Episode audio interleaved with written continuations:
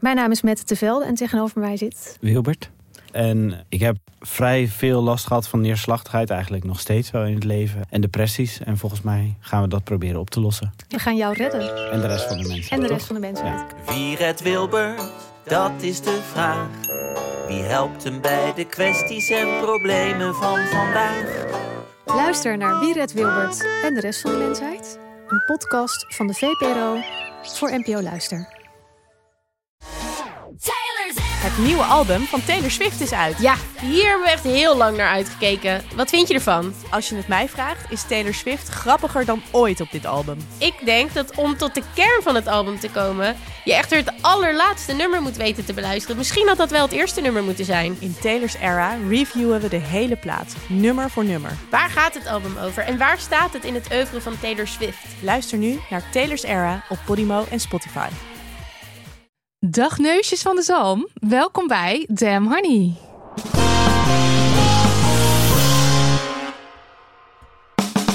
De podcast over shit waar je als vrouw van deze tijd mee moet dealen. Mijn naam is Marilotte. En ik ben Nidia. En dit is aflevering 93, deel A wederom. Want eh, we willen opnieuw wat uitgebreider ingaan op de Damn Honey Knowing Yes. Dus eh, die krijgen een eigen aflevering. Yes. En vandaag zit ik hier in de studio een klein beetje te fangirlen. Behoorlijk te fangirlen. Behoorlijk te fangirlen. Er is iemand te gast wiens werk ik heel erg cool vind. Ze is kunst- en geurhistoricus en geurwetenschapper. Oh my god, dat is toch te fantastisch. En ze schreef onlangs het boek Een kleine cultuurgeschiedenis van de neus of van de grote neus. Het is Caro Verbeek. Welkom. Hallo. Hallo. Leuk om hier te zijn. Ja, ik werd echt op slag verliefd op je boek. En ook dankzij je boek op slag verliefd op mijn eigen neus. Of eigenlijk Hey. op Annie neus. Dat is mooi, ja. Dat is ook natuurlijk deels ook het doel van het boek. Je gaat anders Geweest. kijken. Echt, ja. En je gaat er meer op letten. Als je er niet, al niet op letten, dan ga Ja. je nu echt naar alle neuzen kijken. Er wordt, heel veel mensen hebben me verteld dat het een soort obsessie is geworden om naar neuzen te kijken. Ja. Ja, ik zit ook nu bij iedereen zo van, oh, laat eens eventjes. Hmm. En dan iedereen zo even dwingen om eventjes zo'n site profiel te laten En ook zien. het gesprek aangaan met mensen Ja. van... heb je wel eens nagedacht over je neus? Heb je daar gevoelens bij? Ja, ja Heel leuk. Ehm, ja, maar waarom ik dus eh, een beetje zit te fangirlen... is omdat ik geur heel erg interessant en heel erg leuk vind. En ehm, ik heb ook een tijdje zelf parfum gemaakt en zo. Dus ik volg jou een beetje van een afstandje. Was ook naar een workshop samen met Marilotte van jou. En ehm, wat ik dus eigenlijk jammer vind... is dat we het vandaag voornamelijk over het uiterlijk van de neus gaan hebben... en niet zozeer over geur, want daar is niet genoeg ruimte voor... Maar misschien kunnen we dan nu heel kort, heel eventjes over geur specifiek praten. Eh, want wij zeiden net al van ja, daar zouden we het wel al willen over, over willen hebben. Maar het is niet zozeer een feministisch onderwerp, dachten wij. En toen ging jij al een beetje zo, nou, Ja, ik misschien... ging ik aan. Ja. En toen dacht ik namelijk aan de geurkaars van Gwyneth Paltrow. Van, Ja. van haar Ja. vagina. Die geur hebben we naapgemaakt. Want de, de kaars was meteen eh, uitverkocht. Maar de ingrediënten stonden wel online. Samen met Frank Bloem. Nou, dat rook heel fruitig, bloemig, vanilleachtig, zoet als een toetje. Oh, Toen dacht ik, hè, maar hoe feministisch is het nou om te doen alsof je vagina naar bloemetjes ruikt? Want je moet ook altijd met die inlegkruisjes, met bloemengeur, moet je je Ja. vagina naar bloemen laten ruiken. Hè? Ik vind me veel van heus wel een toetje, maar niet op die manier. ja, dus dat, dat vond ik juist helemaal niet zo feministisch. Ehm, en waarom moeten vrouwen ook altijd ja, geurloos zijn? Ze mogen helemaal niet naar hun lichaam ruiken. Je hebt nooit een reclame voor mannen dat ze niet naar hun, hun, hun penis mogen ruiken. Ehm, ja. dus waarom moeten al die... spray? Ja, Dat bestaat niet. Nee, dat bestaat eigenlijk niet. Terwijl het wel bestaat natuurlijk ook.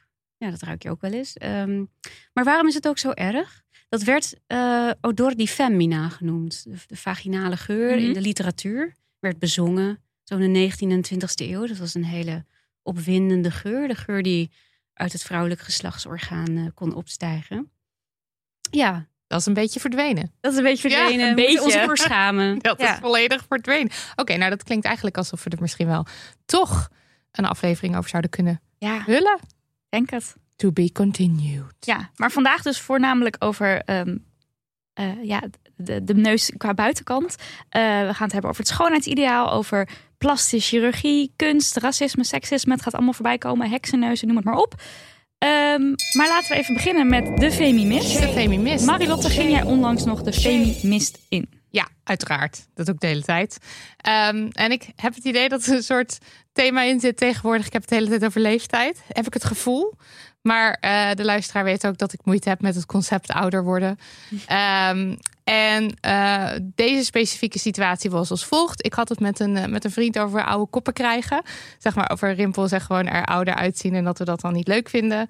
En dat was naar aanleiding van een gesprek wat ik met hem had. Omdat hij weer een vriend heeft en die laat botox doen. En, en fillers en zo. En dan moet ik zeggen dat ik ook wel eens opgezocht heb hoeveel fillers dan kosten. ik had vroeger een collega die er super super jong uitzag. En zij was, nou ja, toen 35. Dat, en dit is een jaar of acht geleden. Dat ik echt dacht, wow, oké, je kan er dus blijkbaar ook nog uitzien als 25 als je 35 bent. Dus ik was daar wel van onder indruk. Ehm, maar goed, um, het is niet zo dat ik fillers of dat soort dingen zou willen laten doen. Want ik ben, zo, ja, ik ben gewoon gelukkig een enorme scheiterd. Ik zou dat gewoon niet zo snel doen.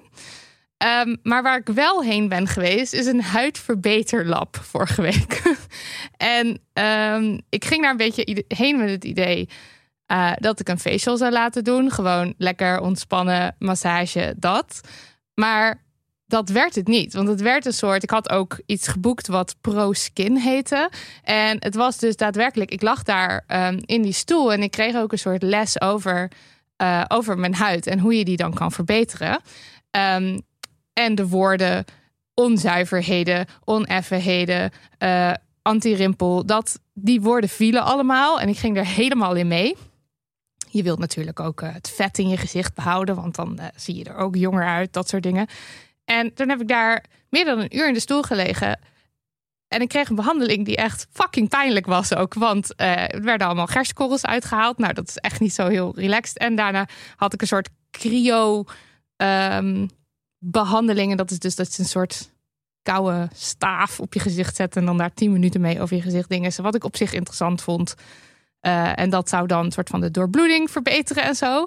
En toen stond ik buiten met nieuwe producten. En ik heb nu een heuse uh, skinroutine. Ik sta ook absoluut te koekeloeren in de spiegel of mijn rimpels inderdaad zachter zijn.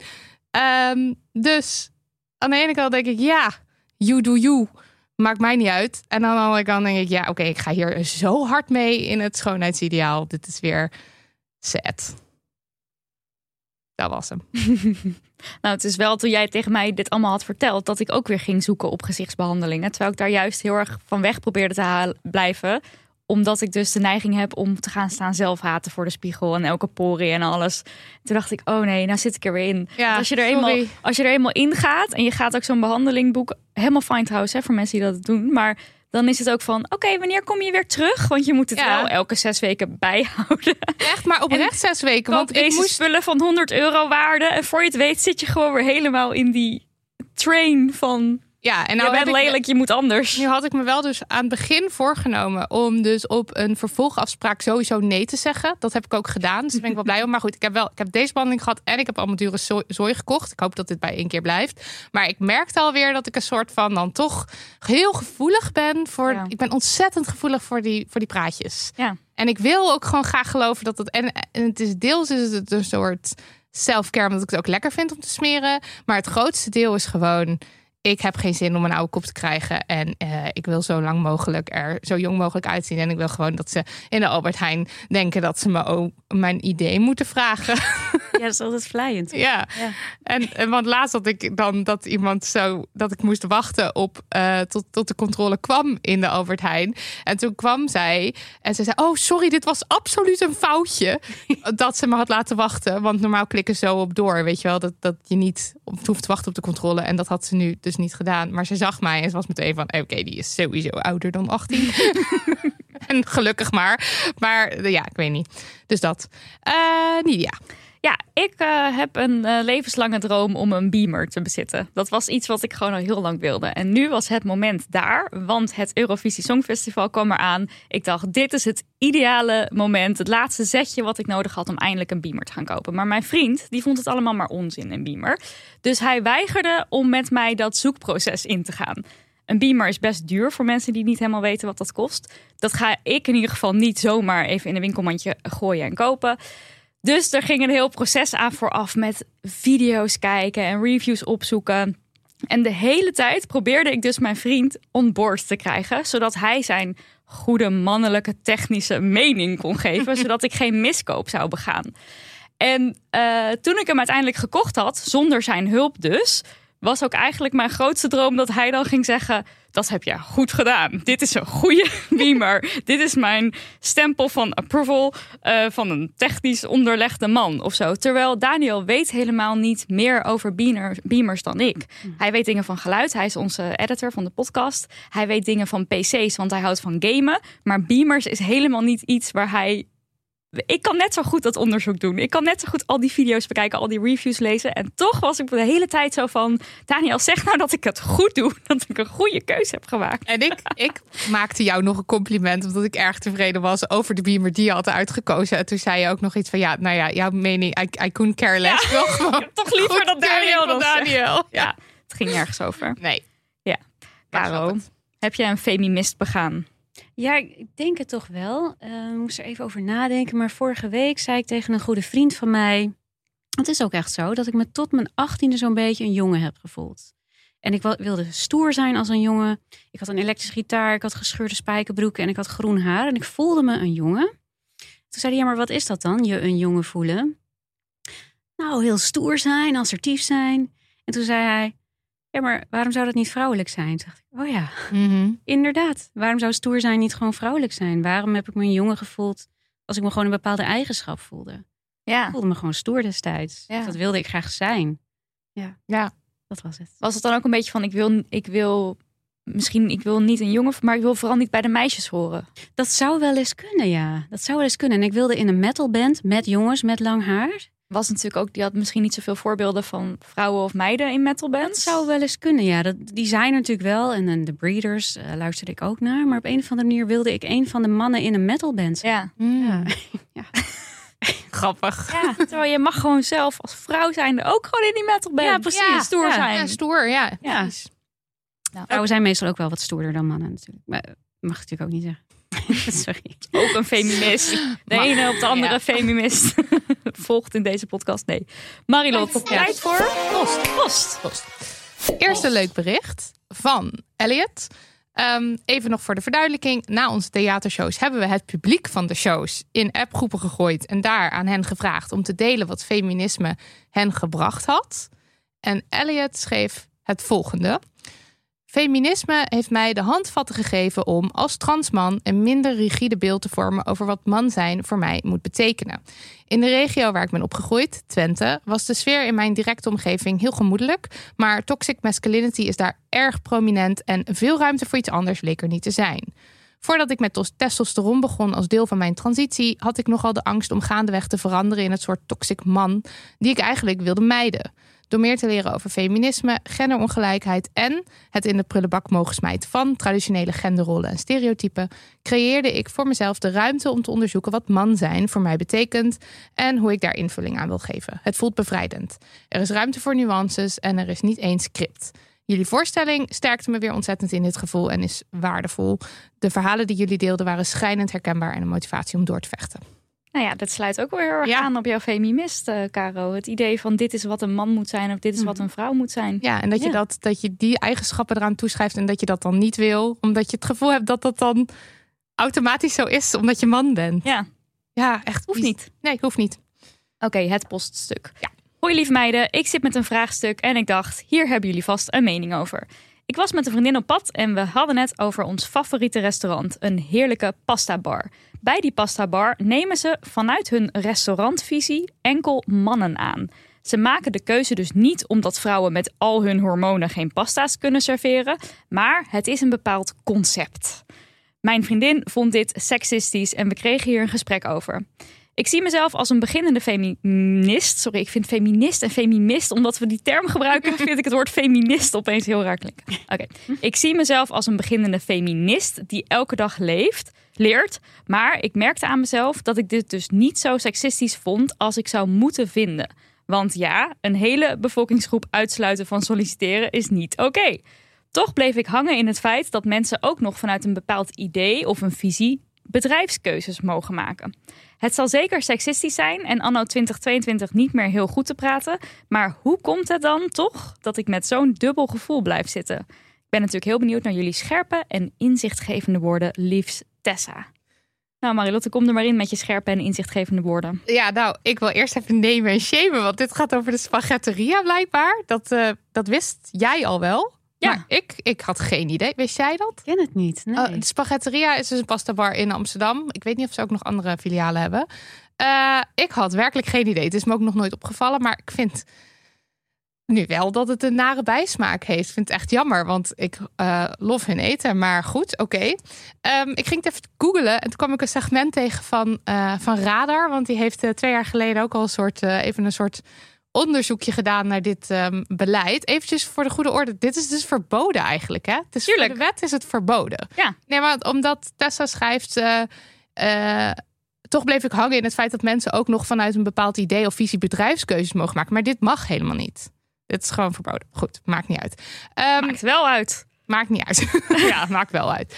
Eh, Oké, maar dat segment van Radar gaat als volgt. Ehm er gaat, ja, nou ja, de presentator van Radar gaat naar eh, de spaghetteria en vraagt daar aan eh, een medewerker: klopt het dat hier mannen worden dat hier alleen mannen worden aangenomen? Het wordt een soort van bevestigd, maar niet echt. Er wordt een beetje vaag over gedaan.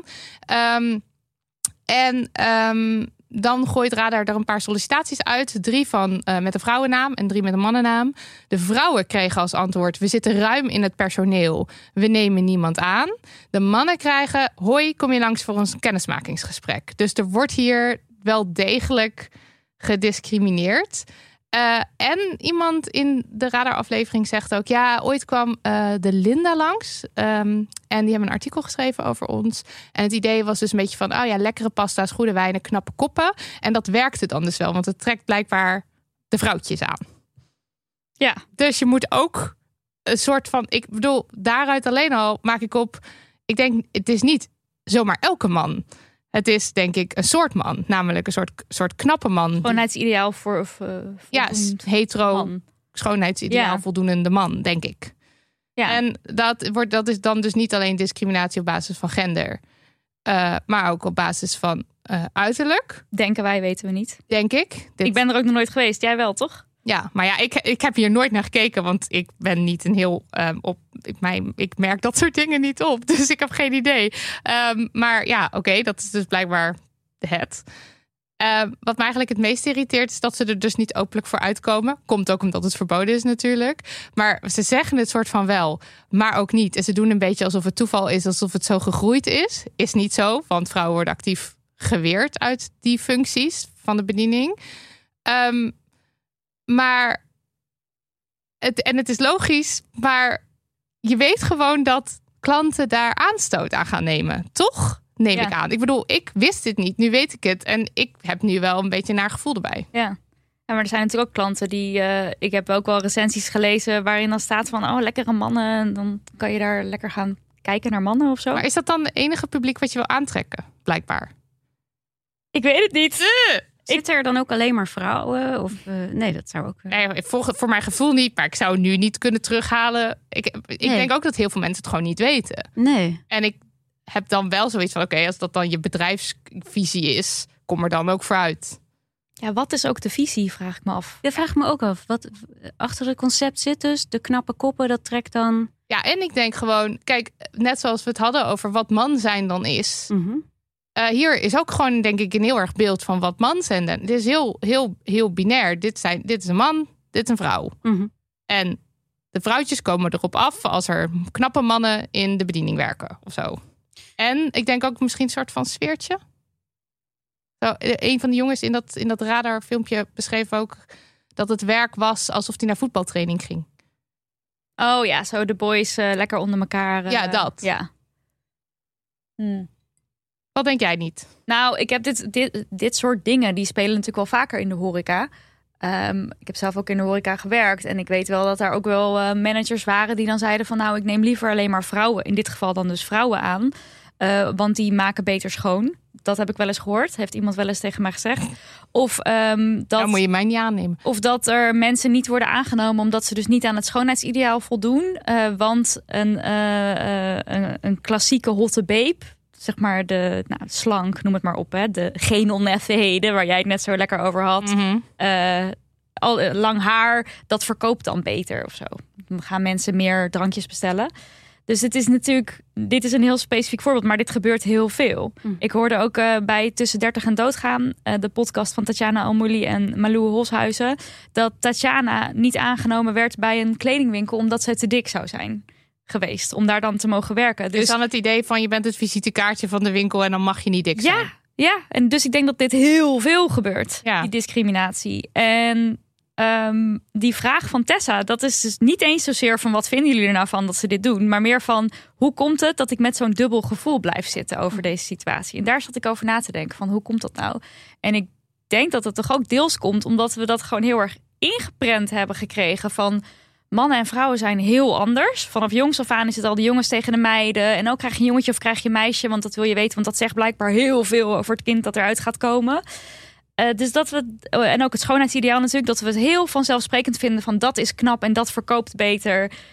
En dat je dan is- dus makkelijk meegaat in dat idee. Ja, want het idee is dan, ja, is toch logisch dat je dan. Je wilt toch geld verdienen? mannen- ja, want dat trekt dat. En terwijl. Ehm, ik denk ook dat je al gewoon snel denkt, ja, you do you, spaghetteria. Eh, ik, ik ga er dan wel of niet meer eten. Ehm, maakt mij het uit. Alleen, het is een beetje. Stel, dit was een bedrijf wat, wat vrouwen uit, het, uit de top zou weren, zeg maar. Eh, Vanuit het gewoon- idee, we nemen alleen maar mannen aan. Neem alleen maar mannen aan, want die weten hoe geld werkt of zo. Geen idee. Eh, dan heb ik het idee dat er meer ophef over zou zijn. Maar dan gaat het over hun kunde. Ja. Dat, dat vind ik eigenlijk nog erger. Want dan doe je net alsof vrouwen iets niet zouden kunnen. Vind je dat nog erger? Ik vind het Ja. misschien wel even erg. Want nu word je gewoon... Je hebt, je hebt je kennis en je kunde. Je kan, je kan ook gewoon in de bediening. En je wordt afgewezen omdat je... Nou, ik denk... Ja, nou, ja, omdat je dus er niet uitziet als een stereotype man. Ja, dus misschien weet je wel alles van pasta. Ja. Maar eh, En en dan nog mag je daar niet werken. ook benieuwd. eh, blijkbaar nemen ze dus in, in de keuken staan alleen maar Italiaanse koks. Daar mag je dus denk ik als Nederlandse kok niet zijn. Dat vind ik ook weird. Ja. Want ehm, dit is gewoon heel erg. waar- waar- Stel je bent Italiaan en je kunt helemaal niet koken. Mag je daar wel staan? Maar dat past dan wel binnen het concept. Dus Ja. dan mag je er wel staan. Ja. Mijn Italiaanse vriend vond het altijd heel spannend als ik pasta voor hem ging maken hoor. Ja? Ja, Ja, daar is wel een ding natuurlijk. zo Ja. precies. Het moment. Het moet zo lang koken. Hoe je het er zelfs ingooit. Butta la pasta. Maar als je, Ehm, goed, als je goed opgeleid bent en je kunt, het, dan Ja. hoef je toch niet per Ja, se tuurlijk. Italiaans voor te zijn. Nee, dat lijkt me ook niet. Maar het is iets heel, het is iets heel cultureels. In ieder Ja, geval. oké. ja, ja. Ja.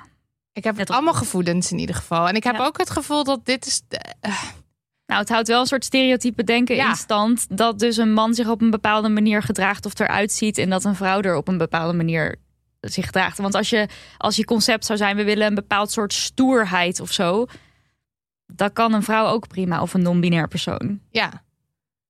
Het is, het is ook een beetje van ja, dit is precies niet de kant die we op willen Nee. gaan met de wereld. Erg ouderwets. Want je wil juist dat iedereen zich overal altijd gelijkwaardig behandeld voelt, veilig voelt. En dat is nu al voor veel mensen niet zo. En dan ga je ook nog, dat zeg maar, want ik vind ook dus iets heel heteronormatiefs hebben en zo. eh, ga je ook nog, en heel, ja, heteronormatief en binair. En dan ga je dat ook nog lopen uitmelken, zeg maar, die, die systemen die al zo eh, dominant zijn. is jammer. Ja.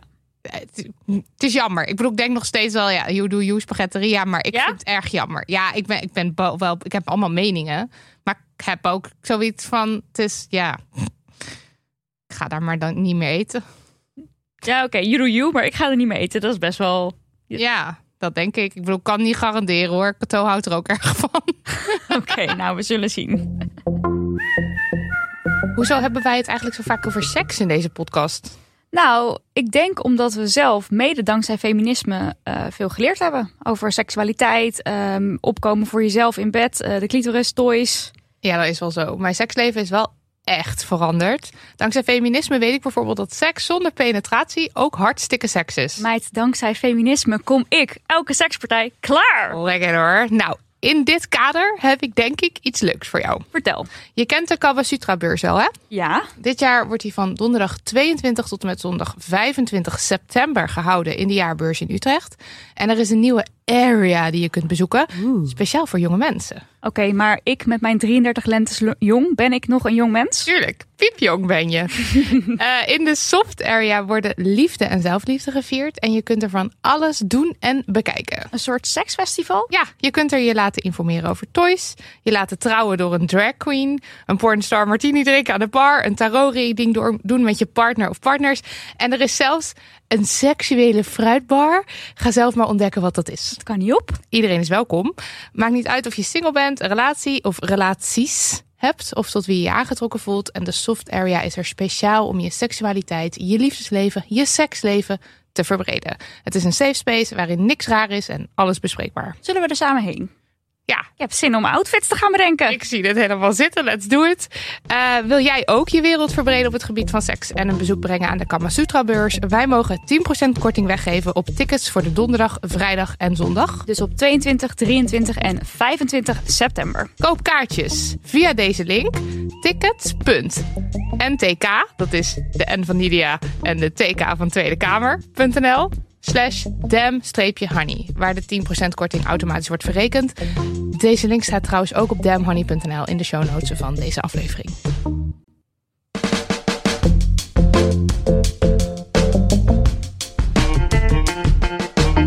We moeten het even hebben over neuzen. Caro, jij schreef er een geweldig boek over. Dankjewel. Van kaft tot kaft gelezen. Ehm het heet... een compliment als Marilot dat zegt. Ja, dat Ja. is wel echt zo. Want ik lees niet zo heel veel boeken uit. Ehm, het heet Een kleine cultuurgeschiedenis van de grote, de zaakjes, neus. En in dat boek probeer je antwoord te vinden op de vraag... waarom de grote neus uit de gratie is gevallen. Sad. Eh, en je probeert ook te achterhalen wat de westerse mens collectief bezielde... om de neus als graadmeter voor karaktereigenschappen te gebruiken. Ehm, dus aan de neus kan je dan dingen aflezen eh, over hoe iemand dan zogenaamd in elkaar stak. Ehm, er komen heel veel thema's aan bod. Het schoonheidsideaal, seksisme, racisme, kunst, liefde. Maar, zo schrijf je, bovenal is dit overzicht een hart onder de riem voor hen die onzeker zijn over hun reukorgaan. Eh, en hopelijk gaat dit gesprek dat ook zo zijn, dat hart onder de riem. Dus laten we even dicht bij huis beginnen. Eh, hoe is jouw relatie met je eigen neus? Ja, die is veranderd. En ook door het schrijven van een boek. Maar zo rond mijn elfde, toen begon mijn neus groter te worden dan eh, de neus van mijn vrouwelijke leeftijdgenoten. En dan kreeg ik er voor het eerst ook opmerkingen over. Eh, dat je gepest werd eh, om je neus, de grootte van je neus. En ik weet nog dat de tekenlerares ons allemaal, alle kinderen in de brugklas, aan profiel natekende. En dat ik de tekening mee naar huis nam en bekeek en dacht, nee, wat? Is dat mijn neus? En toen heb ik hem uitgegumd en opnieuw getekend. Ehm, ja, dus ik was er heel onzeker over. Ik durfde niemand in te halen op de fiets. Ik krijg ook hele nare dingen naar je hoofd geslingerd. Ehm, heks, jood, eh, nog wat van dat lelijk. Eh, dat soort dingen. Als je een grote neus hebt, mensen die, die zeggen gewoon, ja, wildvreemde mensen op straat vinden het kennelijk nodig om er iets over te zeggen. Als kind en als volwassene gaat dat gewoon door. Dus dat vond ik wel heel eh, boeiend. Was er een tijd onzeker door. Maar eigenlijk ben ik er steeds trotser op geworden. En daar heeft dat schrijven van het boek wel mee te maken. Hmm. Maar je had wel een fascinatie voor de neus voordat je begon met het schrijven van het boek. Ja. Komt dat door je eigen neus ook? ja, dat is toch wel gedeeltelijk ook door mijn eigen neus. Ik denk dat ik daardoor gevoeliger was voor verhalen over neuzen en neuzen die ik zag. Ja. En als kunsthistoricus, als student kunstgeschiedenis, zag ik natuurlijk heel veel neuzen. En toen viel het me op dat zoveel van die portretten uit de oudheid en de renaissance en later, dat de neuzen daar juist extra leken te zijn aangezet. Toen dacht ik, oké, het schoonheidsideaal was dus ooit, stond diametraal tegenover het huidige schoonheidsideaal. Ja. Mm. Zowel mannen als vrouwen. Hoe groter, hoe markanter, hoe meer hoeken en haken die neus had, hoe beter. En dan ergens in de 20ste eeuw, in ieder geval in het, in het heden, dat weten we allemaal, ehm, moest in ieder geval de vrouw, moet de vrouw, volgens het heersende schoonheidsideaal, een hele kleine neus hebben. Moet ook nog een holle neus zijn. De neustip moet ook nog in een bepaalde hoek staan. Het staat allemaal in de boeken van ehm plastische chirurgen. Dus dat vond ik heel fascinerend. Ik wilde weten wat er gebeurd was. Waarom ons beeld zo veranderd was. Ja. Ja, dat is fascinerend. Er staat ook een verhaal in over Cleopatra. En dat er dan een nieuwsberichtje naar buiten kwam van... Cleopatra bleek helemaal niet zo knap te zijn zoals ze was. Want hier is het bewijs. En dan heb je een munt waarop je haar amprofiel inderdaad ziet. Ja, ja, dat was echt wat een bizarre krantenkop. Ik weet niet of de journalist dat zelf had bedacht of de wetenschapper. Maar ja, Cleopatra niet zo mooi als gedacht, want ze had een haakneus en dunne lippen. Dat je in de eerste plaats denkt: oké, wat weet jij van het schoonheidsideaal uit die tijd? Ja, Ja, Het was heel anders waarschijnlijk. Ehm, en hoezo is een haakneus eigenlijk? Waarom zou je dat lelijk noemen, ook Ja. in het heden? Bovendien stond schoonheid in die tijd ook niet eens alleen voor het visuele. Dus ook je stem, dat is natuurlijk nog steeds, je stem en je geur, die waren ook heel erg belangrijk voor ja, de- jouw uitstraling, voor, voor jouw schoonheid. Ja, ik vond dat je dat in je boek heel mooi schreef. Dat eh, beauty is niet alleen in the eye of the beholder, maar ook in, in, in de neus, in de hand, in, de, in het oor. En ik zal wel denken, ja, je, ook nu kan je helemaal zo voldoen natuurlijk aan het schoonheidsideaal, zeg maar, wat je ziet. Maar als jij naar poep ruikt of zo, Ja. dan voldoe je er niet aan. Nee, nee, absoluut niet. En het is ook zo dat heel veel mensen denken, als ze verliefd op iemand worden, eh, dat ze verliefd zijn geworden op hoe knap, visueel knap diegene is. En dan hebben ze misschien niet door dat al hun zintuigen hebben bijgedragen aan dat idee dat ze iemand visueel knap vinden. Want je gaat iemand natuurlijk ook veel mooier vinden als je die stem en geur en aanraking heel mooi vindt. Ja, Het is een combinatie van al die dingen. Het is een combinatie. Het is niet alleen visueel. maar dan is dus het, het, het visuele of de ogen zijn een soort van in status omhoog gegaan in de loop der jaren. En, en, en de rest, zoals dus de neus, de geur, is minder belangrijk geworden in ons idee van schoonheid. Dat zeg je heel mooi in ons idee van schoonheid. Ja. Wat in werkelijkheid er altijd aan bijdraagt. Ja. Ja. Echt, ik vond dat al, dat staat echt ergens op de eerste pagina's. Ik vond dat al gelijk zo eye-opener. Echt mooi. Nou hebben we heel veel verschillende neuzen in de wereld. Ehm, maar dat is misschien niet iets waar je je direct bewust van bent als mens met een neus. Eh, wat voor soort neuzen? Want je denkt al snel, nou je hebt grote neuzen, je hebt kleine neuzen. Maar zo simpel is het niet. Nee, want de neus bestaat natuurlijk uit heel veel onderdelen. Leonardo da Vinci die gaf allemaal namen aan al die onderdelen van de neus. Dus je hebt een neuswortel, dat is het gedeelte tussen je wenkbrauwen. Dat is bij iedereen al anders, breed of smal. Ehm, en dan ook hoe je neus overloopt in je voorhoofd. Hè? Dat, dat speelt Hmm. ook een rol. De zogenaamde Griekse neus. Daarbij loopt het voorhoofd recht over in de neus. Dat is één ononderbroken lijn. Zie je heel soms. Ik vind het erg mooi. Eh, dan heb je de neusbrug. Van, hè, van je neuswortel tot, tot de neustop, de neuspunt. Dan heb je natuurlijk ook nog de neusvleugels en de flanken. En hoe je neusgaten, dus de twee negatieve ruimtes van je neus gevormd zijn. Soms verbergt je neustopje die neusgaten. Soms zijn die neusgaten juist heel open. Dat draagt allemaal bij aan het uiterlijk van de neus. En dan heb je het ook nog eens in alle kleuren en maten. Ja. Ik, ik las dat bij, bij baby's staan de neusgaten omhoog, toch? Ja. Zodat ze over de, wat was het nou, over de borst heen konden Zodat ze kunnen blijven ademen tijdens het Oh, ja, drinken ja, aan ja. de borst. Super logisch. Dus wij associëren, ik denk ook om die reden, associëren wij een eh, holle neusbrug met een neustopje wat iets omhoog staat. Dus wat, Een wipneus of zo? nou, een, ja, een beetje een wipneus. Dat associëren we met jeugdigheid. Ah, Dat is omdat baby's natuurlijk, wij allemaal beginnen met zo'n neus. Je wordt niet geboren met een haakneus. Ik heb dat nog nooit. Nee, volgens mij komt dat niet voor. Misschien wel hoor, maar eh, of je nou, hè, als je volwassen bent, een haakneus hebt of niet, we beginnen allemaal hetzelfde. Ja, en je neus blijft groeien. Ja. Je kan het een beetje zien als boomringen. Dat je kan, te- kan zien hoe, hoe oud iemand is bijna. Moet je natuurlijk wel bijhouden vanaf het begin. Maar je hebt dus mensen, iedereen die hier nu naar luister, luisteren... nog zoveel millimeter te gaan tot je de pijp uitgaat. Ah, dat is zo fascinerend. En wat voor neus hebben wij? Oh, moet ik even heel goed kijken. Even Marilotte aan profiel. Oh, een hele, je hebt een hele rechte neusbrug. Ehm, ik zou zeggen dat die niet, niet lang is. Je, je kan een beetje je neusgaten zien. En dit is het. Vanaf de zijkant zou jouw neus de Grieks-Romeinse neus hebben geheten. In de 19e eeuw dan.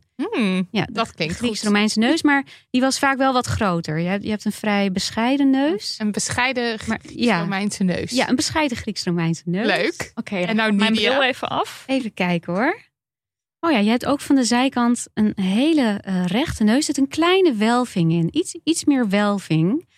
En misschien ook nog even van de voorkant. Komt-ie? Wat ik heel mooi vind aan jouw neusbrug van de voorkant, is dat noem ik, dat noem ik een wiebertje of een diamant. Dat je boven in je neusbrug ehm, een heel klein beetje een uitwaaiering hebt. Ja, nou, dat weet ik wel, maar het is me nooit zo, nu je dit zegt, denk ik, Uitgelegd. ja, dat heb ik inderdaad, ja. Dat komt omdat een beeld wat ik heb bestudeerd, namelijk eh, David van Michelangelo, dat ook heeft. Oh, wow. Ja, dus daarom let ik Oh, hallo. I feel so flattered. Het is toch leuk om te horen. Ik vind het heel erg leuk als iemand je neus eh, analyseert. Ja, Hartstikke enig. Ehm, aan eh, neuzen zijn in de loop der jaren of in de loop der tijd ook allerhande karaktereigenschappen toegekend. Ehm, te beginnen bij Aristoteles. Wat, wat, waren, wat waren ideeën? Dat, wat, wat kwam daar bijvoorbeeld uit? Ja, Aristoteles die stelde op schrift wat alle vormen ogen en monden en neuzen, wat dat betekende. De neus was wel het allerbelangrijkste. Hij noemde dat een stralend, ja, stralend middelpunt. En hij omschreef de volgende categorieën, namelijk lang en dun, lang en naar beneden wijzend, lang en breed, breed in het midden, scherp, dik en naar boven wijzend en de haakneus of een neus die rijst in het midden. En al die neuzen die werden gekoppeld aan bepaalde karaktereigenschappen, aangeboren karaktereigenschappen. Eh, lang en dun, dan was je bijvoorbeeld moedig, nieuwsgierig, boos, ijdel, gemakkelijk over te halen tot goed of kwaad, zwak en geloofwaardig. Vrij specifiek ook, Ja. hè? Heel specifiek. Maar hoe komt iemand op zo'n idee? Wat heeft hij dan allemaal mensen met lange, dunne neuzen geanalyseerd en dan gezegd: Nou, dit is. Ja, weet niemand natuurlijk. Misschien, weet niet. Die fysiognomie die was ook gebaseerd op dieren en de eigenschappen van het Oh. uiterlijk van dieren. Ja. En met het idee, ja, toen geloofde men nog dat alles universeel was. Nu weten we heel veel is cultureel bepaald en gewoon verschillend. Ehm, maar als een dier bijvoorbeeld lange poten heeft, zoals een leeuw, en een leeuw is moedig, dan komt daaruit voort dat alle mensen met lange ledematen ook moedig zouden zijn. Ah. Dat is echt nog, ook nog trans species. Het ging eh, niet alleen maar over mensen. Eh, dus daar, daar kwam dat vandaan. Maar inderdaad was wel heel specifiek. Ik denk dan toch dat in het achterhoofd dit soort wetenschappers wel dachten van... Ja, maar ik ken inderdaad iemand met een lange dunne neus. Die inderdaad wel eh, zwak en geloofwaardig eh, is. ja, ik, ik, ik weet dat niet eh, precies. Maar ja, het is verbazingwekkend hoe gedetailleerd dat is. Ehm, de scherpe neus, kieskeurig en pijnzend. Die is, dat is dan weer weinig eigenlijk, qua, qua Dat, informatie. ja, dat is inderdaad, er komt, zit maar heel weinig Ja. omschrijving bij. En dan welke ik wel heel interessant vind, is dik en naar boven wijzend. Moedig en trots, hebzuchtig, jaloers, leugenachtig, ijdel, ongelukkig en omstreden. Wel- Welke neus was dat? Dik en naar boven wijzend. Ik en naar boven wijzend. Nou, een beetje een baby, misschien een babyneus. Klinkt een beetje alsof hij gewoon iemand kende Ja. waar hij een hekel aan had. Ja. Die dik en een naar boven wijzende neus had. Dat hij dacht, nou... En dan hebben we ook nog, dat vind ik wel belangrijk om die te noemen, omdat daar in de 20e eeuw zoveel vooroordelen aan gingen kleven. Meer dan in welke eeuw dan ook, namelijk de haakneus. En volgens Aristoteles was dat verbonden aan voorzichtig en politiek en met grote moed, eervol in zijn daden en trouw aan zijn woord. Dus hele positieve eigenschappen. Ja, en dat is enorm veranderd. Dat is in de 20e eeuw, dat was al in de middeleeuwen zo, dat een haakneus werd toegekend aan, of dat zag je dan op fresco's bij Joden. En daar werden dan negatieve eigenschappen aan een heel volk zelfs gekoppeld. Maar in de oudheid was die neus een, ja, een hele goede neus om te hebben. Veel beelden uit de Griekse oudheid hebben ook een haakneus. Maar die dikke naar boven wijzende neus, dat is wel heel boeiend. Die had namelijk Socrates. Een van de grootste, slimste Oh. filosofen aller tijden. Ja, en die leefde voor Aristoteles Ja. nog, hè?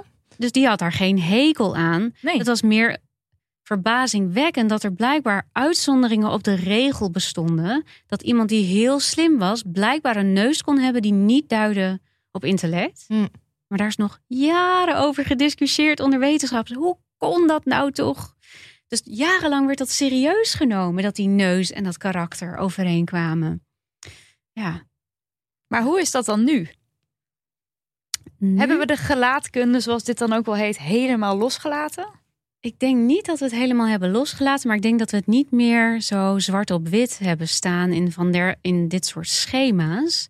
Maar wat blijkt nou in het Amerikaanse recht, waar je juries hebt, daar worden mannen met hele uitgesproken trekken, grote neuzen, brede kaken, vaker veroordeeld. Hmm. Terwijl mannen met een babyface minder vaak worden veroordeeld. Dus we hebben blijkbaar toch nog steeds, ja, het is eigenlijk helemaal geen verrassing, Nee. op basis van het uiterlijk vooroordelen. Daar speelt die neus een rol in, maar ook, ja, ook de kaken.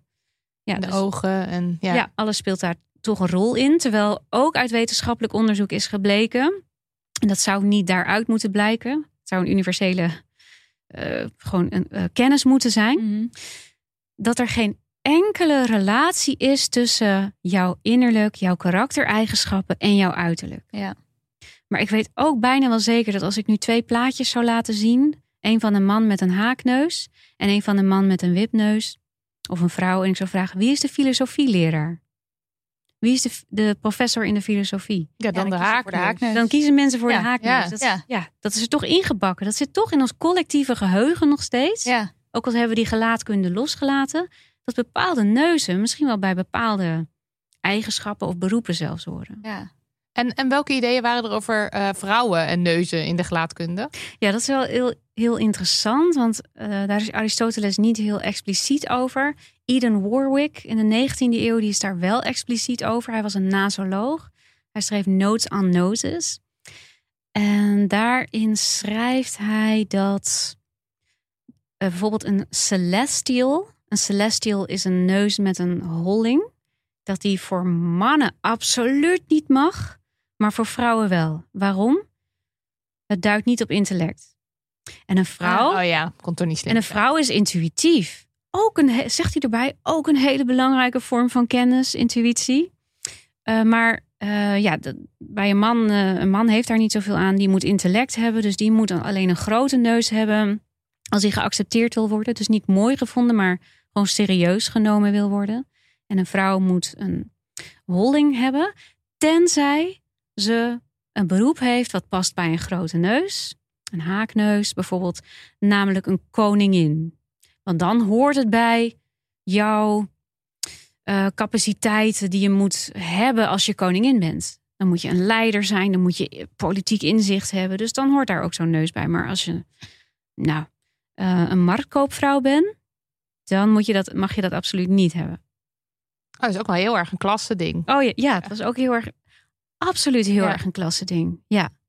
Want dan alleen als je dus inderdaad dus iets van een vorst bent of zo, dan heb je iets aan zo'n grote neus ook als vrouw. Want Ja. ehm, Cleopatra die wordt dan bijvoorbeeld op, op de munt ehm, afgebeeld met een grote neus in de tijd dat zij heerste. Ja, Terwijl het is het duidelijk hoe zij er echt uitgezien heeft? nee. Nee, niemand weet hoe zij eruit heeft gezien. Kijk, wij denken heel erg vanuit een fotografisch principe. Niet dat fotografie de waarheid nou zo eh, weergeeft. Maar wij denken als je iemand afbeeldt, dan doe je dat naar uiterlijke werkelijkheid. Dat was in die tijd helemaal niet zo. Dus zo moet je al hè, met een andere blik naar portretten kijken. Je werd uitgebeeld naar je functie. Ja. Hmm. En Cleopatra werd dus om politieke redenen, dat was een strategie, werd ze afgebeeld met soms een rechte neus, soms een haakneus, maar altijd een hele grote neus. Zodat iedereen kon zien, zij is een leider van Ja. formaat. Zij snapt het, zij weet wat ze doet. Ja, want als je nu aan Cleopatra denkt, ze- dat, eh, dat, dan denk ik ook aan een vrouw met een grote neus. Ja, daarom vind ik het ook zo apart dat Elizabeth Taylor haar vertolkte. Want ze staat natuurlijk bekend als heel mooi, heel slim en als iemand met een grote neus. En Elizabeth Taylor vertolkt haar ja, heel erg mooi. Wel met die hele kleine, nou ja, toch wel een bescheiden neus. Slim, maar ook wel best wel hysterisch, vind ik. Dat ze telkens zo heel hysterisch haar speelt Hmm. werd blijkbaar ook geassocieerd met vrouwelijkheid, denk ik dan. Ehm, Ik heb nog nooit een actrice met een hele grote haakneus haar zien eh, vertolken. Jullie wel? Nee, maar ik Nee. zit ook te denken, heb ik haar, Wel eens ken ik haar gezien. veel uit? Ja. Nee, ik ken haar denk ik alleen uit Ast- Asterix en Obelix en zo. Want Oh, jij ja. hebt daar ook een stukje, of je hebt daar een fragment van in het boek staan. Ja. Maar ik herinner me ook, ook dat, Uh-huh. dat beeld van haar. En, en Ja. afbeeldingen van, die ik dan gezien heb van munten of zo. Oh ja. Een andere vrouw, een eh, vroegere beroemdheid die jij ook voorbij laat komen in je boek, is Laura Battiferri. Amananti. Ja. Amananti. Ik, ik kan die achternaam niet goed uitspreken, maar goed. Wat is haar verhaal? Dat was een dichteres uit de Renaissance in Italië. En zij was in haar eigen tijd heel erg beroemd. En dat was vrij ongebruikelijk voor een vrouwelijke dichter. Dat je in heel Europa werd gelezen. Ze correspondeerde met allerlei mensen van adel. Eh, zij ehm, ja, was goed opgeleid. En ze sprak Latijn. En zij is een beetje in de vergetelheid geraakt. En zelfs zijn haar gedichten later toegeschreven aan mannen. Ja, dat zien we natuurlijk vaker gebeuren. Ja. Ja. Gelukkig is een heel mooi portret van haar ook overgeleverd. Daardoor is, is de interesse in haar ook opnieuw opgeleid. Een portret van een vriend van haar, eveneens dichter en kunstenaar, Bronzino. Wat is er nou zo bijzonder aan dat portret? Ten eerste dat ze en profiel is afgebeeld, terwijl dat al helemaal niet meer in de mode was in die tijd. En dat, dat ze vol trots een flinke, hele elegante haakneus daar toont. Ja. Wat daar interessant aan is, dat moet je ook weer lezen. Want hè, wij zouden denken, ja, maar als je zo'n haakneus hebt, dan durf je toch niet van de zijkantje te laten afbeelden. Eh, maar wat er aan de hand is, is dat Bronzino een verwijzing maakte naar de allerberoemdste, meest hooggeplaatste dichter aller tijden. Namelijk Dante Alighieri, die ook bekend stond om zijn adelaarsneus. Dus Bronzino zegt hier: Kijk, dit is Laura Battiferri. Zij is een dichteres. Ze is even goed als Dante. Dat, Door- wordt, dat wordt allemaal gecommuniceerd door die Door die neus. Ja. Dat is toch best Zo wel cool. geweldig dat zo'n neus dan zoveel zegt over nou ja, wie zij was en, en wat voor aanzien zij genoot. En ze wordt ook niet afgebeeld met ehm, sieraden. Nee, ze wordt vrij sober afgebeeld, inderdaad. Dat is ook vrij bijzonder. Dus het gaat echt om haar vaardigheid als schrijver. Ze houdt ook een boek vast. En dat boek, eh, dat is van Petrarca. En dat, dat, zijn, dat is ook een hele belangrijke dichter. En die schreef gedichten over Laura. En dat is ook haar naam. Dus weer een verwijzing Ja, ja, ja. naar een dichter en naar haar capaciteiten. Wat ik wel mooi vond aan dit stuk is dat je dit stukje over eh Battiferri afsluit met gelukkig beoordelen we dichters tegenwoordig niet meer op hun uiterlijk, maar op hun pennenvruchten. Maar dan zeg je, het is niet helemaal waar. Want doen we dat echt? Ja, er bestaat volgens mij wel een soort van, ik noem het maar even, iconografie van de schrijver. Een bril, Ja. serieus kijkend. Ja, Misschien ook een sigaar of een sigaret. zwart-wit foto. Zwart-witte foto. Ergens is er eentje op een zoldertje. Ja, zo misschien starend in de verte, omdat Ja. ze aan het nadenken zijn over een volgende boek. Ja. Maar die grote neus, ja, Harry Mulisch had natuurlijk een hele ja, flinke neus. Eh, natuurlijk ook een schrijver, maar dat, dat is losgekoppeld. In de 20ste en 21ste eeuw koppelen we de grootte van de neus niet meer aan schrijfvaardigheid. Ja, maar dus wel die andere, die andere zijn niet helemaal verdwenen. Ja, Ik vond het Nee, wel, ik nee. dacht ja, je hebt ook wel helemaal gelijk. Maar een mens staat gewoon, of Je zou tenminste, de willen maatschappij denken. staat gewoon vol met aannames over Ja. wat iemand moet zijn als die dit en dat en zus en zo is. Ik bedoel, het blijkt alweer uit alle gesprekken die we nu hebben. Ja. Ja. We willen de mens graag kunnen lezen. Ja. We willen weten wat voor vlees we in de kuip hebben voordat we weken, maanden, jaren met iemand hebben doorgebracht. Maar dat kan niet. Dat kan niet. Misschien dat het evolutionair soms handig is dat je meteen weet, aha, misschien moet ik nu hierop letten, maar dat kun je natuurlijk niet aan de neus zien. Nee. Nee. Dat schoonheidsideaal. We, we komen dus uit een tijd waarin neuzen een soort power symbool waren. En dat je juist trots was op je grote neus. Al was het dus voor vrouwen een beetje discutabel of je dan wel of niet daar trots op Afhankelijk van de klasse inderdaad. Ja. Ehm, nu staat het er heel anders voor. Want wat is nu een neus waarvan de eh plastisch chirurg zegt: yeah. Ja, die hebben echt boekjes waar dan eh, exact het aantal graden in staat. Van hoe die neus naar boven moet wijzen, hoe hol die moet zijn, hoe lang die moet zijn. Ook hoe lang dat stukje tussen neus en bovenlip moet zijn. Dat zijn Oh, heel ook nog, ja. precieze tabellen. Maar wat blijkt nou? KNO-artsen hebben dat ook. Dus niet alleen voor in esthetische chirurgie, maar ook bij reconstructieve chirurgie, als een neus eh, beschadigd is en weer gemaakt moet worden. Daar heb je ook één soort neus dan. Het moet dan die Wauw. neus worden. Maar Dus stel voor je, krijgt een ongeluk en je hebt een, je hebt een Hele andere neus. haakneus en dan Krijg je gewoon een hele rechte neus. of je nou wil of niet.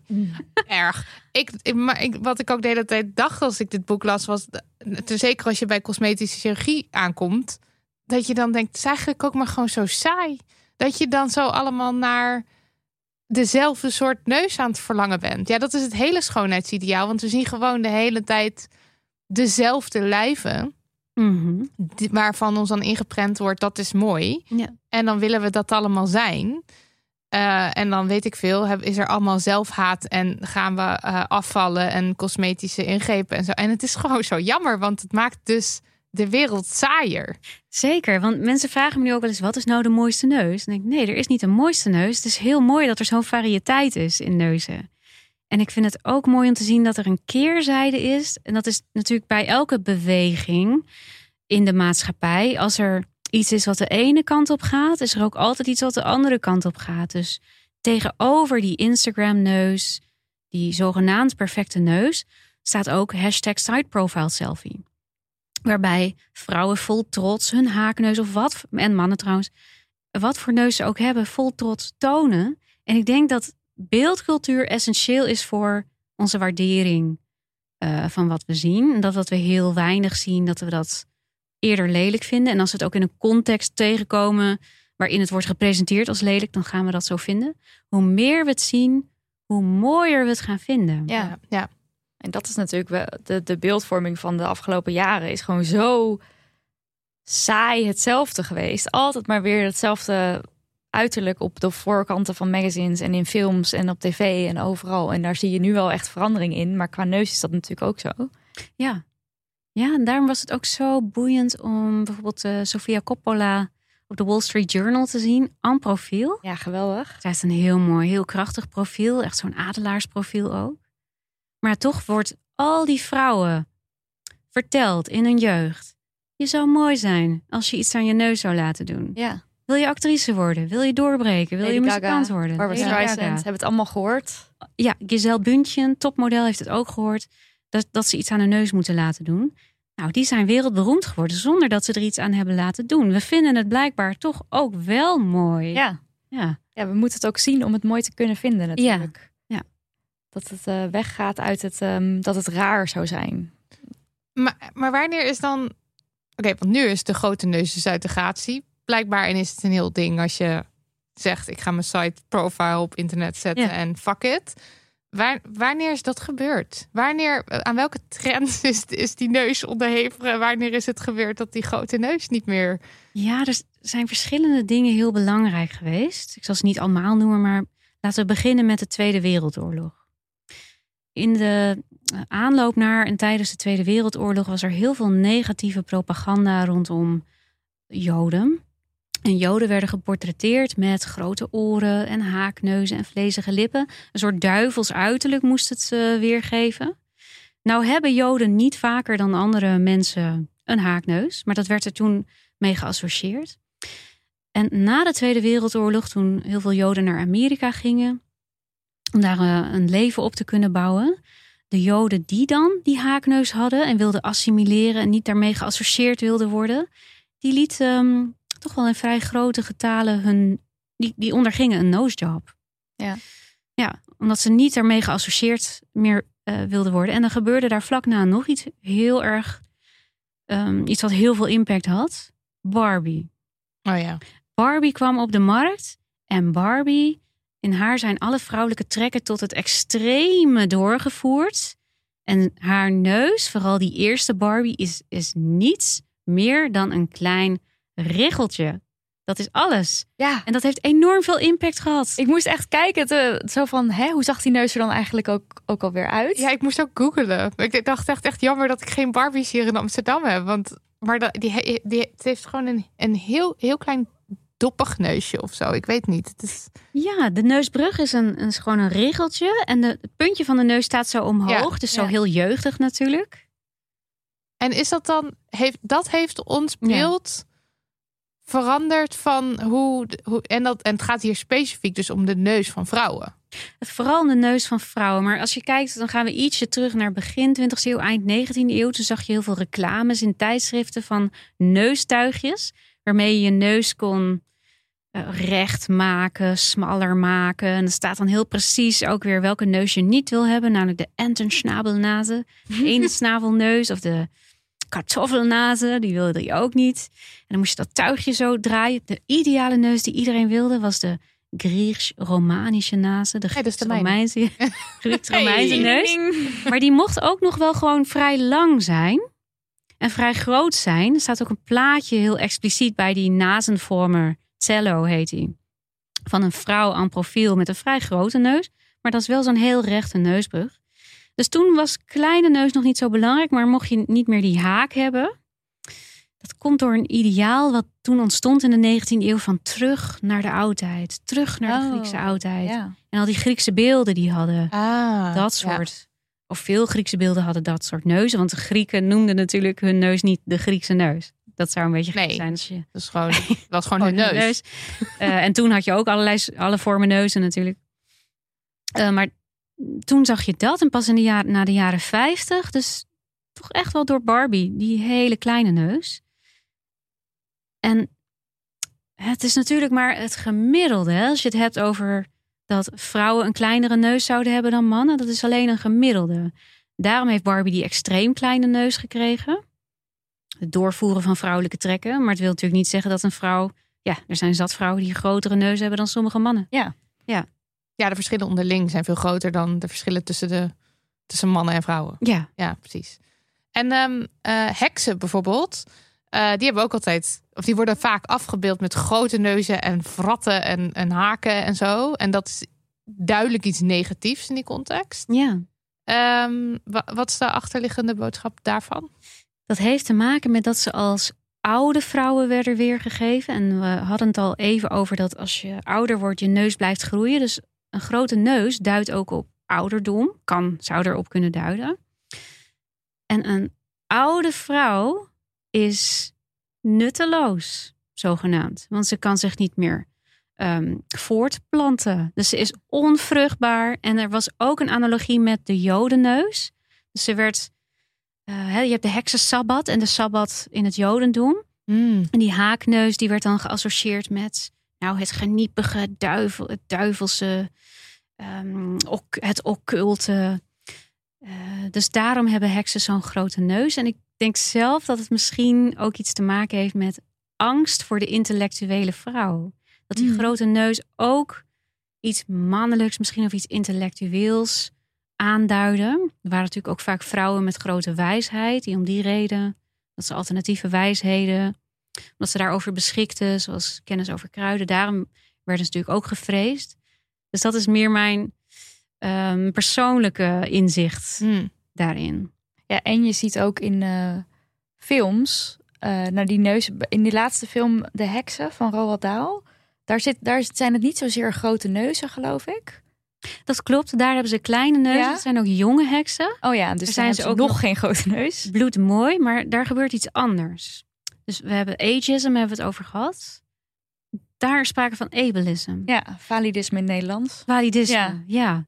Die vrouwen die hebben namelijk maar, eh, ik geloof, een pink en een, en een wijsvinger alleen. Daar Ja. moest hun afstotelijkheid mee Oh, en ze uitgedrukt worden. En ze hebben geen tenen. Bij Ja. Roald Dahl is dat ook. En dat is ook weer zo'n eeuwenoude, naargeestige, naargeestig concept. Dat, ehm, dat mensen met eh, bepaalde fysieke gebreken tussen Een aanhalingstekens soort niet-normatieve lichamen. niet normatieve lichamen, dat daar ook karaktereigenschappen aan verbonden waren. Dus de heks is slecht, dus ze heeft maar twee vingers, want dat is eng. Ja. Dat is natuurlijk ook heel naar. En dat is dan in een film die dan vrij recent verschijnt, wordt dat nog steeds. Ja. Ja. ja zonder gêne eigenlijk, of zonder daar verder over na te denken, wordt dat weer gebruikt en getoond. ja. Ze hebben wel een excuses aangeboden. Ja, toen nadat ze er, ja. Ja. precies, nadat ze er kritiek op door. kregen. Nee, Ja, het was niet dan- door ja. inderdaad, ja. Maar dus aan de ene kant krijgen we dat schoonheidsideaal van alle kanten op, op ons af. En aan de andere kant heb je dus dat mensen met niet-normatieve lijven. eh, dus dat daar heel veel slechte karaktereigenschappen aan worden gekoppeld. Ja, dan is het op zich ook niet gek dat je dan denkt, nou, ik ga er wat aan laten doen. Want het is dus blijkbaar niet wenselijk om een grote neus te hebben of om een beperking te hebben. Ja, en, en enorm veel mensen, vrouwen, laten iets aan hun neus doen. Dat is eigenlijk ongelooflijk. Is dat iets van de laatste tijd of is dat al? Vanaf de jaren zestig, maar... ehm, Ja, we moeten het wel heel even hebben over die ingreep met die Ja. neus. Dat die zo- arm. Oeh, Talia ik heb dat aan iedereen verteld toen ik je boek las. Ja, Want het is dus niet zo dat, dat ehm, ingrepen aan neuzen, dat dat echt, dat dat vroeger niet kon of zo. Dat wordt al heel lang gedaan. al heel lang, maar Ja. dan vooral eh, omdat veel mannen hun neus verloren na een duel. Ja, Een duel. ja. Zo Ging dat. er weer eens een neus Toxic afgeschoten. masculinity, ja. Ehm, de arts, Italiaanse arts Talia Cozzi, die eh, leefde in de 16e eeuw. Die bedacht een bepaalde procedure en die komt voor in een Netflix-serie, de Nick, ziekenhuisserie, waarbij een lap vlees uit de arm werd gesneden aan drie zijdes. Dus aan één stuk bleef het vastzitten. soort flapje moest eigenlijk. Een soort flapje had je dan. Een soort rechthoek. Die moest je op je neusbrug leggen. Dan moest je gewoon je arm naar achter doen. Werd je arm ook vastgebonden, zodat je hem niet ging ge- bewegen. En dan hoopten ze dat die neusflap zou vast... We doen het nu ook allemaal. Ja. Dat die neusflap zou vastgroeien. eh, sorry, die armflap aan de neus. En dan sneden ze het laatste stukje ook af. Maar werkt het? Soms viel het er dan jammerlijk toch nog af. Jammer. Dat je Jammerlijk. al die Ja, dat je zo lang. maanden of weken, ik weet niet hoe lang dat duurt. Zo gezeten, pijnlijk. Eh, en dan lukte het toch niet, maar soms lukte het ook wel. En er werden ook vaak eh, bronzen neuzen of koperen neuzen gewoon overheen gedragen als een Prothese. kapje. Ja, Ja. Deze. ja, dat bestaat dus echt al heel lang. Echt fascinerend. Ja, ik wil die Netflix. Ik heb hem nog niet. Ik heb nog niet de tijd gehad, maar ik heb hem ook nog niet durven kijken. Maar het lijkt me fascinerend. Ja. Ja. Oh, arme hoofdpersoon eh, die haar neus verliest door syfilis. Oh ja. Oh ja, dat ja. En dan, en dan hadden ze ook protheses. Dat je dat dus ook Ja. zo op een soort koperen neus op kon. Een soort koperen neus, dat hing dan onder gekleurde brillenglazen. Want je niet alleen verloor je je neus, maar je werd ook heel lichtgevoelig. Je ogen werden heel gevoelig voor Mm. licht. Nog steeds, het bestaat nog steeds, syfilis.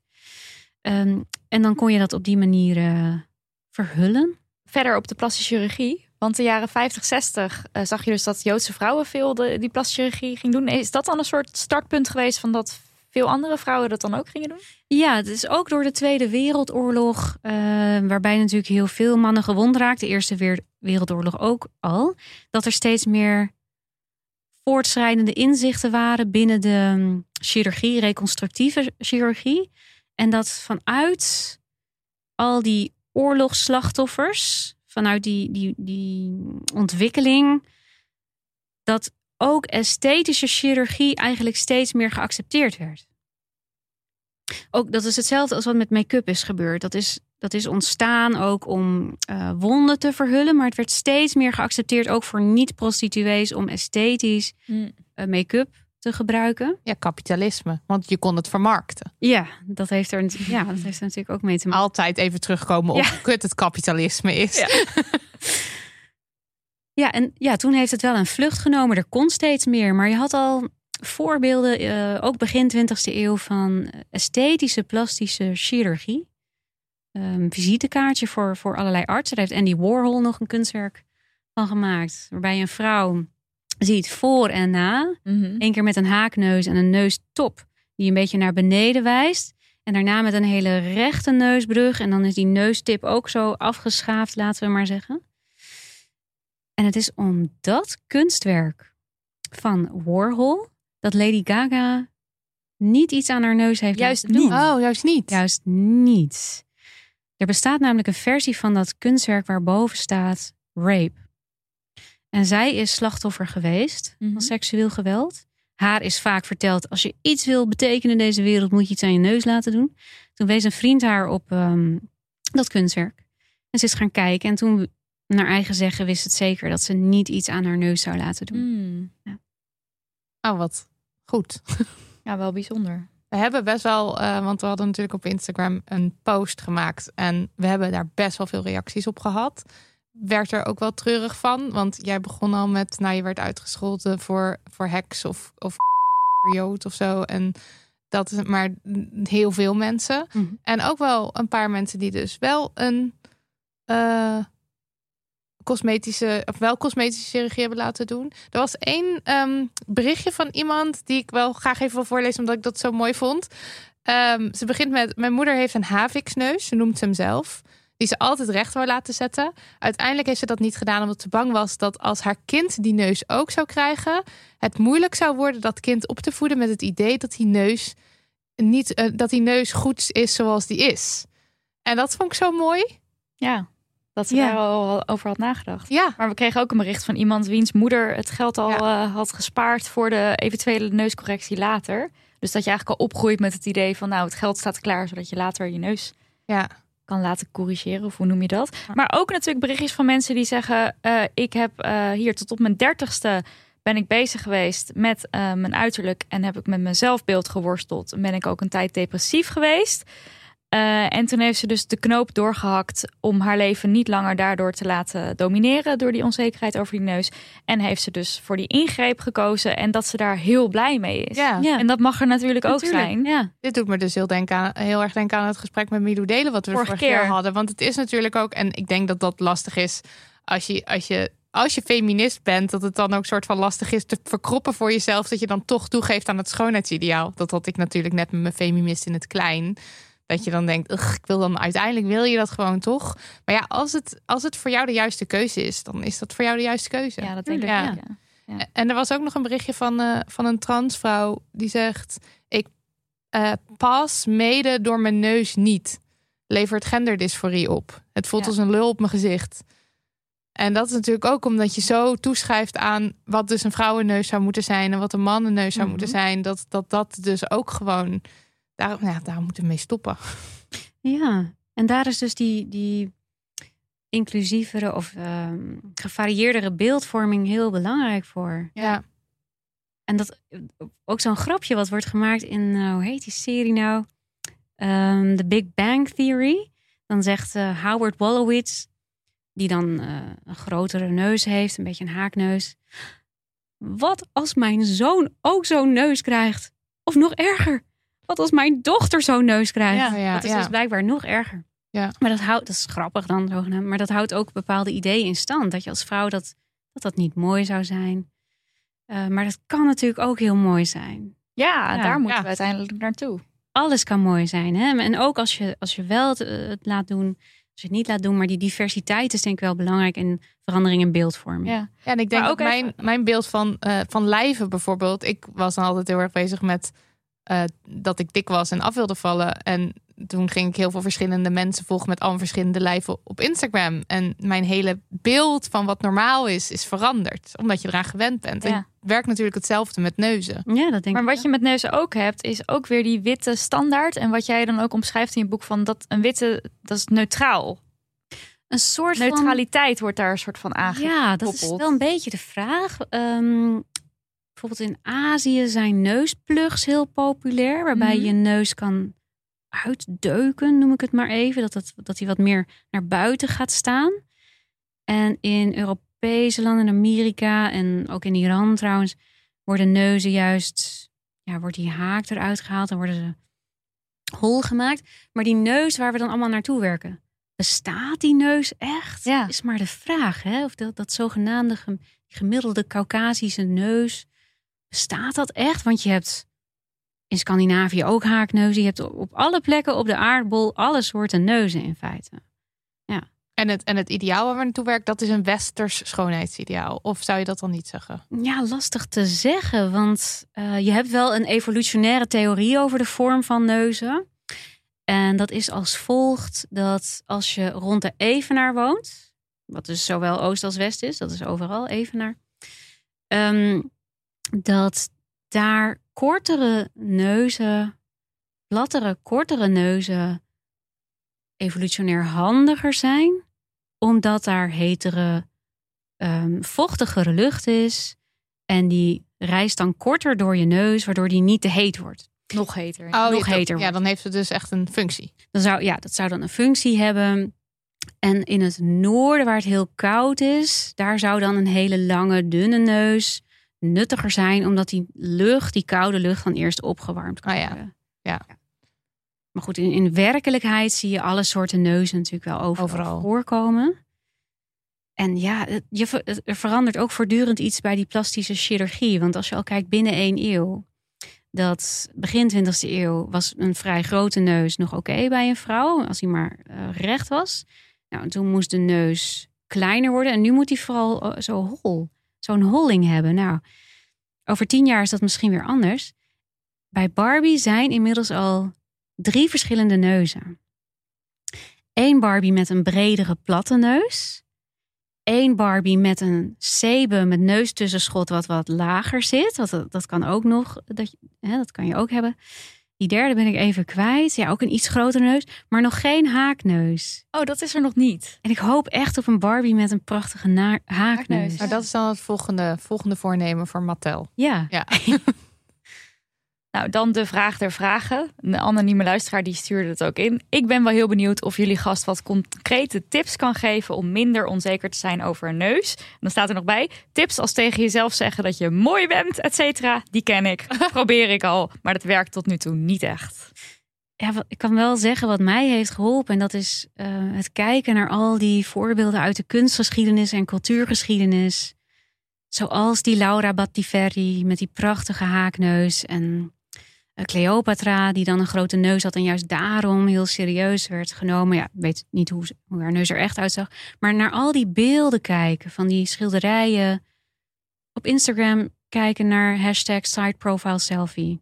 Ja. Ehm, om meer van jouw eigen soort neus misschien te vinden in Ja. beeldcultuur en te beseffen er bestaat helemaal geen perfecte of mooie neus. Er bestaat alleen een manier van kijken en de geschiedenis bewijst dat dat telkens verandert. Ja, Ja. dat is ook zo. Je trapt er maar gewoon in met z'n allen. En dat is eigenlijk heel erg zullig om er maar zo Ja, dat je dan soort denkt trappen. dat dat de waarheid Dat is. het Ja. de waarheid Ja. is. Ja. Dat is het niet. Dat is het gewoon niet. We hebben dat allemaal maar bedacht. En een goede tip is natuurlijk jouw boek lezen. Absoluut. Want eh, je gaat er bijna van wensen dat je een grote neus hebt als je die niet hebt. Maar ik, heb, ik ben ook gewoon, zeg maar, je, je raakt gewoon heel geïnteresseerd in de neus als fenomeen, zeg maar. Het is niet meer dat je er per se. Je, tijdens het lezen hecht je er niet waarde aan hoe je eigen neus eruit ziet, maar ben je een soort van aan het analyseren wat jouw neus dan is. Of maar dat is heel leuk. Ja.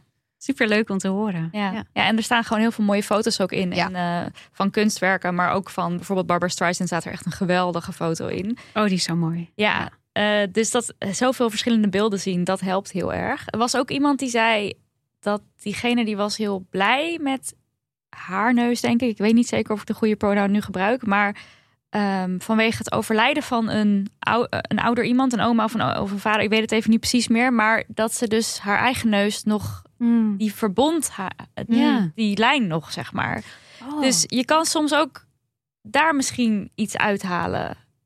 Dat is Het, wel- het maakt je eigen, maar het maakt je ook onderdeel van een Ja. andere, van je familie. En Ja, en dat, dat ik vind dat ook iets weer- moois hebben. Ik ook, want het grijpt ook weer terug op dat idee van ik laat niks aan mijn neus doen, want straks denkt mijn kind dat mijn neus niet goed genoeg is. Maar het is ook straks zie je er anders uit dan je kind, terwijl je kind misschien jouw neus heeft. dat kan En ook nog als je weer naar de zo- volgende generatie kijkt. Ja, Maar ik heb bijvoorbeeld zelf, mijn kind steekt een beetje uit, vind ik dan zelf. Hè? Dat zullen andere mensen misschien niet vinden. Maar mijn vader heeft dat ook. En dan denk ik, want dat kan ik dan soms niet zo mooi vinden aan mezelf. Dan denk ik, nee, want het is net als mijn vaders kindertje. Oh ja. En wij hebben dat allebei. En dat is toch eigenlijk heel lief, inderdaad. En Ja. leuk en verbindend dat je dat dan allebei hebt. Ja. En zo kan je dat ook met andere lichaamsdelen, denk ik, hebben. Ja. Oh ja.